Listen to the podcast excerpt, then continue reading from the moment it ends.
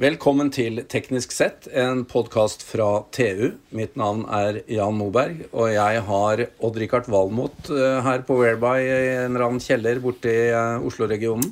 Det er riktig, Jan. Her sitter jeg. Ja. Trygt og godt. vi, vi skal ha litt avstand i dag, har jeg skjønt. I dag uh, har vi en koronainnspilling med lang Ja. avstand mellom oss. Vi er veldig smittesikre nå. Jeg trodde at det var fordi at vi skal snakke om et av dine topp, topp, topp ti eh, områder, nemlig kjernekraft, og at du var litt sånn strålingsredd. Nei, tvert imot. Nei, ja, Vi skal snakke om det, og det, du har rett i det. Det er en av mine eh, små hangups her i livet. At jeg syns at eh, vi skulle ikke ha droppa kjernekraften. Den er viktig, og tror jeg, jeg tror den kommer til å få en rolle i fremtiden. Vi er nødt til å. For å høre, ja, for å høre mer om det, så uh, må vi jo bare løfte fram at noen i år har stiftet noe som heter Klimavenner for kjernekraft. Ja. Det er fantastisk. det- ja, noen vil kanskje synes at det, dette hører ikke helt uh, riktig ut.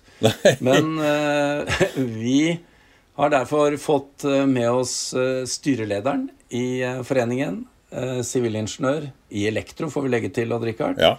Eh, eh, Styreleder Tore Kanstad, velkommen. Takk, takk. Du sitter i Trondheim, og, og du er også på god avstand. Men du må først fortelle oss hva, hva er eh, Klimavenner for kjernekraft? Ja, eh, så det, ja, det er en frivillig, eh, frivillig forening eh, for eh, oss som bryr oss om klimaet, og, og mener at det er en veldig viktig sak, og vi må ta den seriøst. Og vi må innse at det er en massiv utfordring, og, og da kan vi ikke drive og velge unna løsninger, selv om de er litt upopulære. Vi må se på løsningene som er, har mest effekt, de som funker nå, og det som raskest mulig kan eh, avkarbonisere eh, over hele kloden. Da. Det ikke, handler ikke kun om Norge her, det handler klima er et globalt problem. Dette høres ut som det var du som skulle sagt, Odd Rikard. Jeg kunne sagt akkurat det samme. Akkurat det samme, faktisk.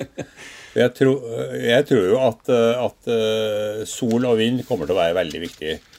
Eh, Og vekstkurven er veldig bratt oppover, men den kommer fra et for lavt nivå.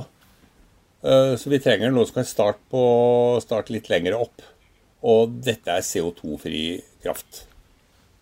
Ja, og da må vi bare slå fast med en gang, eh, Tore. Altså det, det, det dere sier, er jo at eh, dere er klimavenner fordi dere mener at denne teknologien vil fri oss fra CO2-utslipp mye kjappere enn andre tiltak vi kan gjøre. Mm.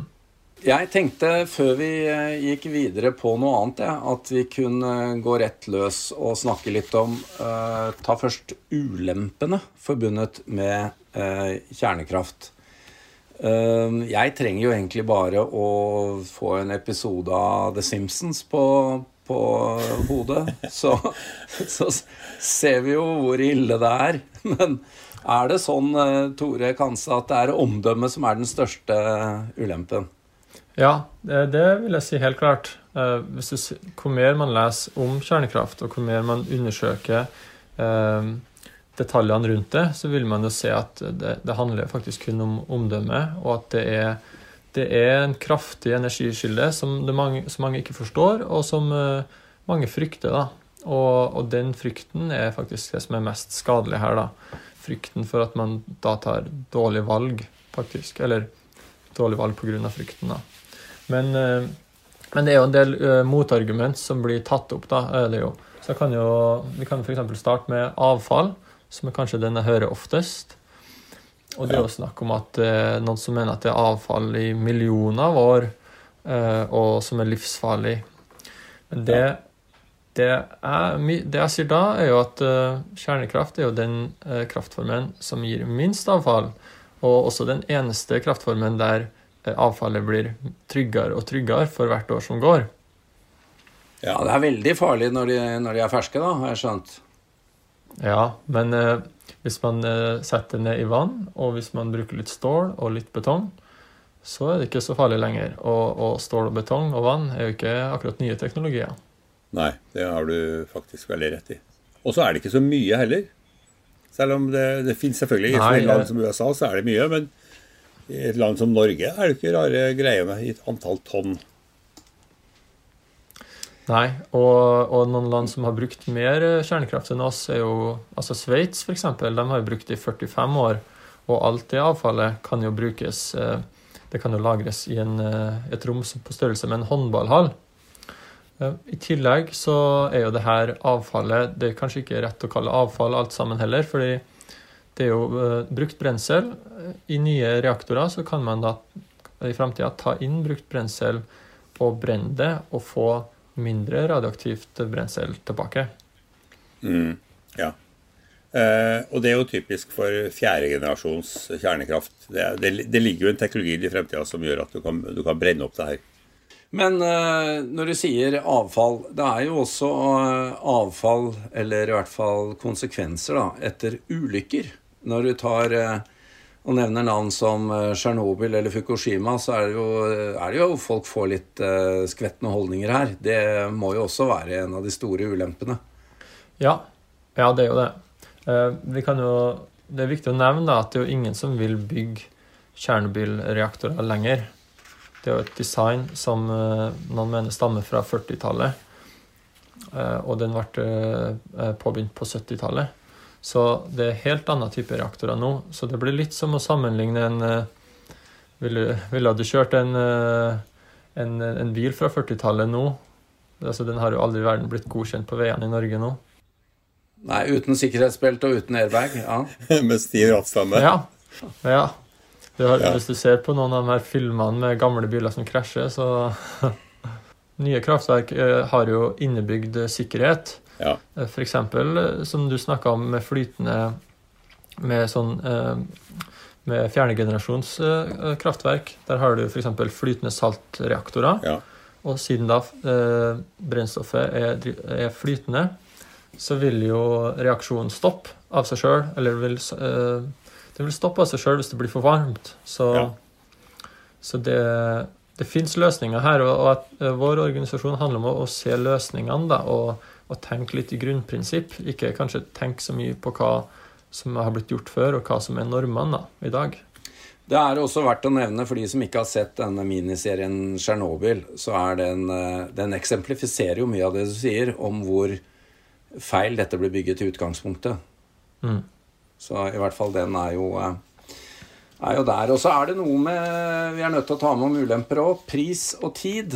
Eh, Det tar jo tid å bygge, og det koster litt også. Det er vel noe dere også reflekterer over, eh, Tore? Ja, og på nettsida vår så står jo de her tingene, og vi er veldig opptatt av å ikke bare nevne fordelene, da. Vi må, må være ærlige og nevne at det, det er noen ulemper også. Og, og pris og tid, ja. Og når det gjelder pris, så er kjernekraft eh, isolert sett, altså hvert kraftverk, koster veldig mye. Og det koster hovedsakelig mye i planlegging og bygging. Ja. Så det er en veldig stor upfront-pris. Men, men når du først kjører kraftverket og har det, har det gående, da er det så billig at i forhold til den strømmen det gir, at da bør du egentlig bruke det hele tida. Og da kan jo det, kraftverk kan jo holde i, i 60 år og, og mer, de som blir bygga nå. Så ja, det er dyrt, men i forhold til hva du får, så er det jo er det faktisk veldig veldig billig, da, for det gir så ekstremt mye strøm. Uh, i, og, og I tillegg så brukes de jo hele tida og uh, har en veldig høy kapasitetsfaktor. Så det gjør jo til at du trenger ikke backup-kraftverker uh, og, og overdimensjonering av transmisjonslinjer og sånn, som du kanskje trenger med variable energikilder. Nå er du langt inn på fordelene, eh, som jeg tenkte vi skulle gå igjennom. Eh, de kommer til det. Men Odd-Rikard, det er verdt å nevne at vi for noen år siden eh, skrev i Teknisk Ukeblad om hvilke type energiformer som har tatt flest liv. Og det var slett ikke kjernekraft. Nei, det er jo definitivt kullkraft.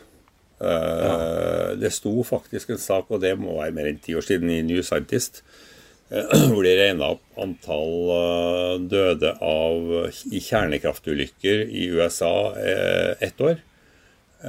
Og tallet var null. Og det samme Og det, det var faktisk bare øst for Mississippi. Så det var halve amerikanske befolkninga. Så, og så, så beregna de hvor mange som hadde dødd syv år før tida pga. kullkraft, forurensning fra kullkraft, mm. og i uh, andre ulykker. Det tallet var 44 000. Ja. Nei, det, det, sier jo litt om eh, dramatikken i det her, men, men ok, brennende kull er vi, er vi, ikke så redd. Vi er veldig redd for stråling. Men uh, dette, ja, dette, er jo en av punktene deres også, også her, Tore, nemlig menneskeliv. Uh, det er desidert færrest dødsfall i disse beregningene da, på, på kjernekraft. Mm. Ja, så det, det, har vel noe med at en sakte morder er ikke like skremmende, selv om den tar mange flere, enn en, en, en noe som skjer brått og skaper overs, overskrifter. Da. Så ja. Eh, F.eks. i Fukushima så er det jo ingen som døde av stråling. Altså Det var to, en eller to som døde på kraftverket, og veldig mange som døde pga. Eh, at du måtte evakuere.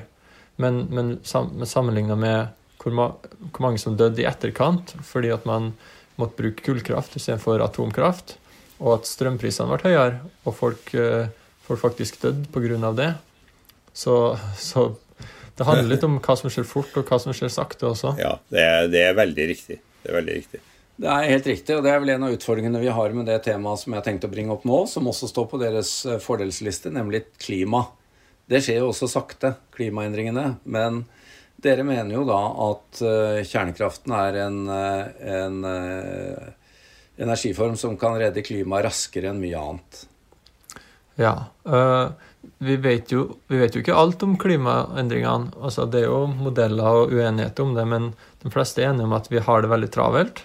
Det er et globalt problem. Og at det er et kumulativt problem. Da, at du legger inn CO2 hvert år, og den CO2-en forsvinner ikke, da, eller den forsvinner veldig sakte. Ja.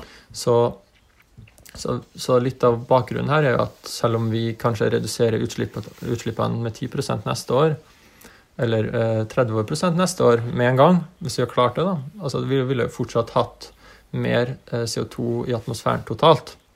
Så det sier jo bare noe om at det haster veldig da, med å få en veldig stor reduksjon. Så vi trenger jo de her 90 %-reduksjonene, ikke de her 10 %-erne. Det er det ene. Og det andre er det at for å få til den reduksjonen, så må vi elektrifisere. Og det betyr at vi trenger mm. mye mer strøm. Eh, og selv om, mm. selv om, veksten i fornybar energi er ganske stor, så, så spises den jo opp av behovene for mer strøm pga. at vi trenger eh, reduksjoner av CO2. Så vi må gjøre mer. Men uh, ja. det er nå én ting, dette med, dette med, klimagasser og utslipp. Men hva med naturinngrep, uh, Tore? Hva, hvordan ser dere på det? Du, Arealbruk ja. og den type ting. Ja, så det, det er jo en del eh, vindkraftmotstandere som er kjernekrafttilhengere pga. nettopp det. Og hvis man sammenligner de toene, så er det jo en faktor på flere hundre, og i noen tilfeller over 1000. Tenker på i forhold til hvor mange kvadratkilometer trenger du for å lage strøm hvis du bruker vindkraft, og i forhold til atomkraft. Ja. Så all denne, eh, all denne eh, nedbygginga av naturen da, som skjer langs hele norgeskysten, ofte i uberørte områder, den eh, tar jo eh, veldig mange kvadratkilometer. Og med kjernekraft så kunne du kanskje hatt ett eller to da, på et par kvadratkilometer hver. Så hvis det, er, hvis det er arealbruk man bryr seg om, og natur, så er det kjernekraft som er veien, uten tvil. da. I Norge kan vi vel til og med bygge det inn i fjellet? Ja, det, det syns jeg er en god idé. Ja, det, det, er ikke noe problem. Og vi kan, uh, ha, vi kan utnytte restvarmen til uh, fjernvarme. Og i æren for lavgradig, så kan vi varme opp en fjord og dyrke litt mer eksotiske fiskeslag. Så der, uh, vi, får, vi får utnytta veldig mye av produktet, altså. Mm. Det høres ut som du skal melde deg inn i denne foreningen, Odd-Rikard. Um, ser ikke bort fra det. Dere, jeg vet, uh, Tore, at dere har enda et punkt på den positive listen, nemlig avsaltingsanlegg. Altså, verden lider under mangel av for lite ferskvann. Mm. Og det krever energi å lage ferskvann av saltvann, og der mener jo dere at dette er en bra kombo. Ja. ja. Så du eh, Det var jo veldig mye snakk om sånn eh, saltkraftverk, eller saltvannskraftverk, for en stund siden. Og det har jo på en måte Det er kanskje ikke så mye snakk om det lenger, da, men det er jo egentlig det motsatte det er snakk om å gjøre her, da. At du, Ja. at du går fra saltvann til, til veldig saltvann og, og rent drikkevann. Da. Eh, Og da, Ja. da må du ha strøm. Eh, Ja. Så det er egentlig baklengs.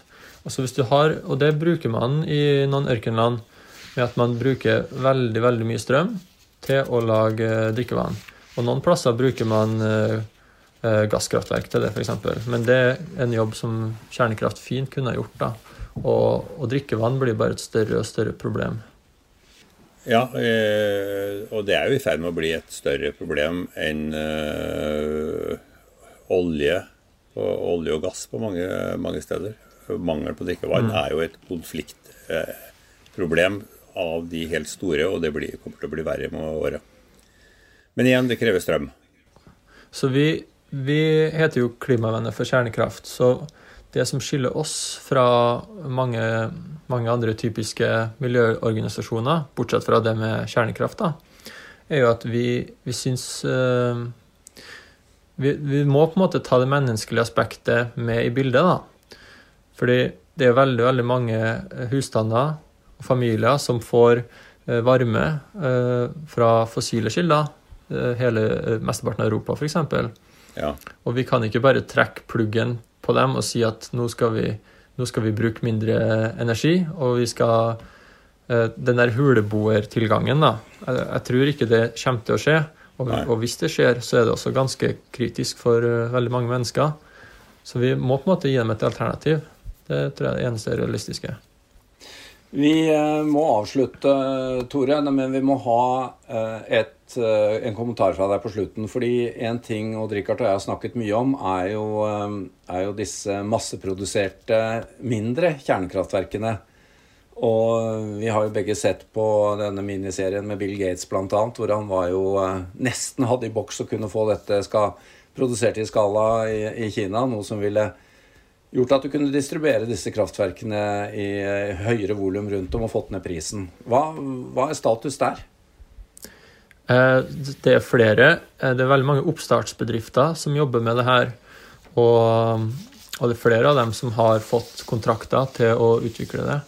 Noen som ordner det i containere, og noen som ordner eh, Ja, men hovedsakelig så er det sånn her eh, på kanskje fra 50 megawatt til et par hundre megawatt eh, reaktorer som du bare lett kan kjøre ut og, og bytte ut da, når de er når det f.eks. skal fylles opp.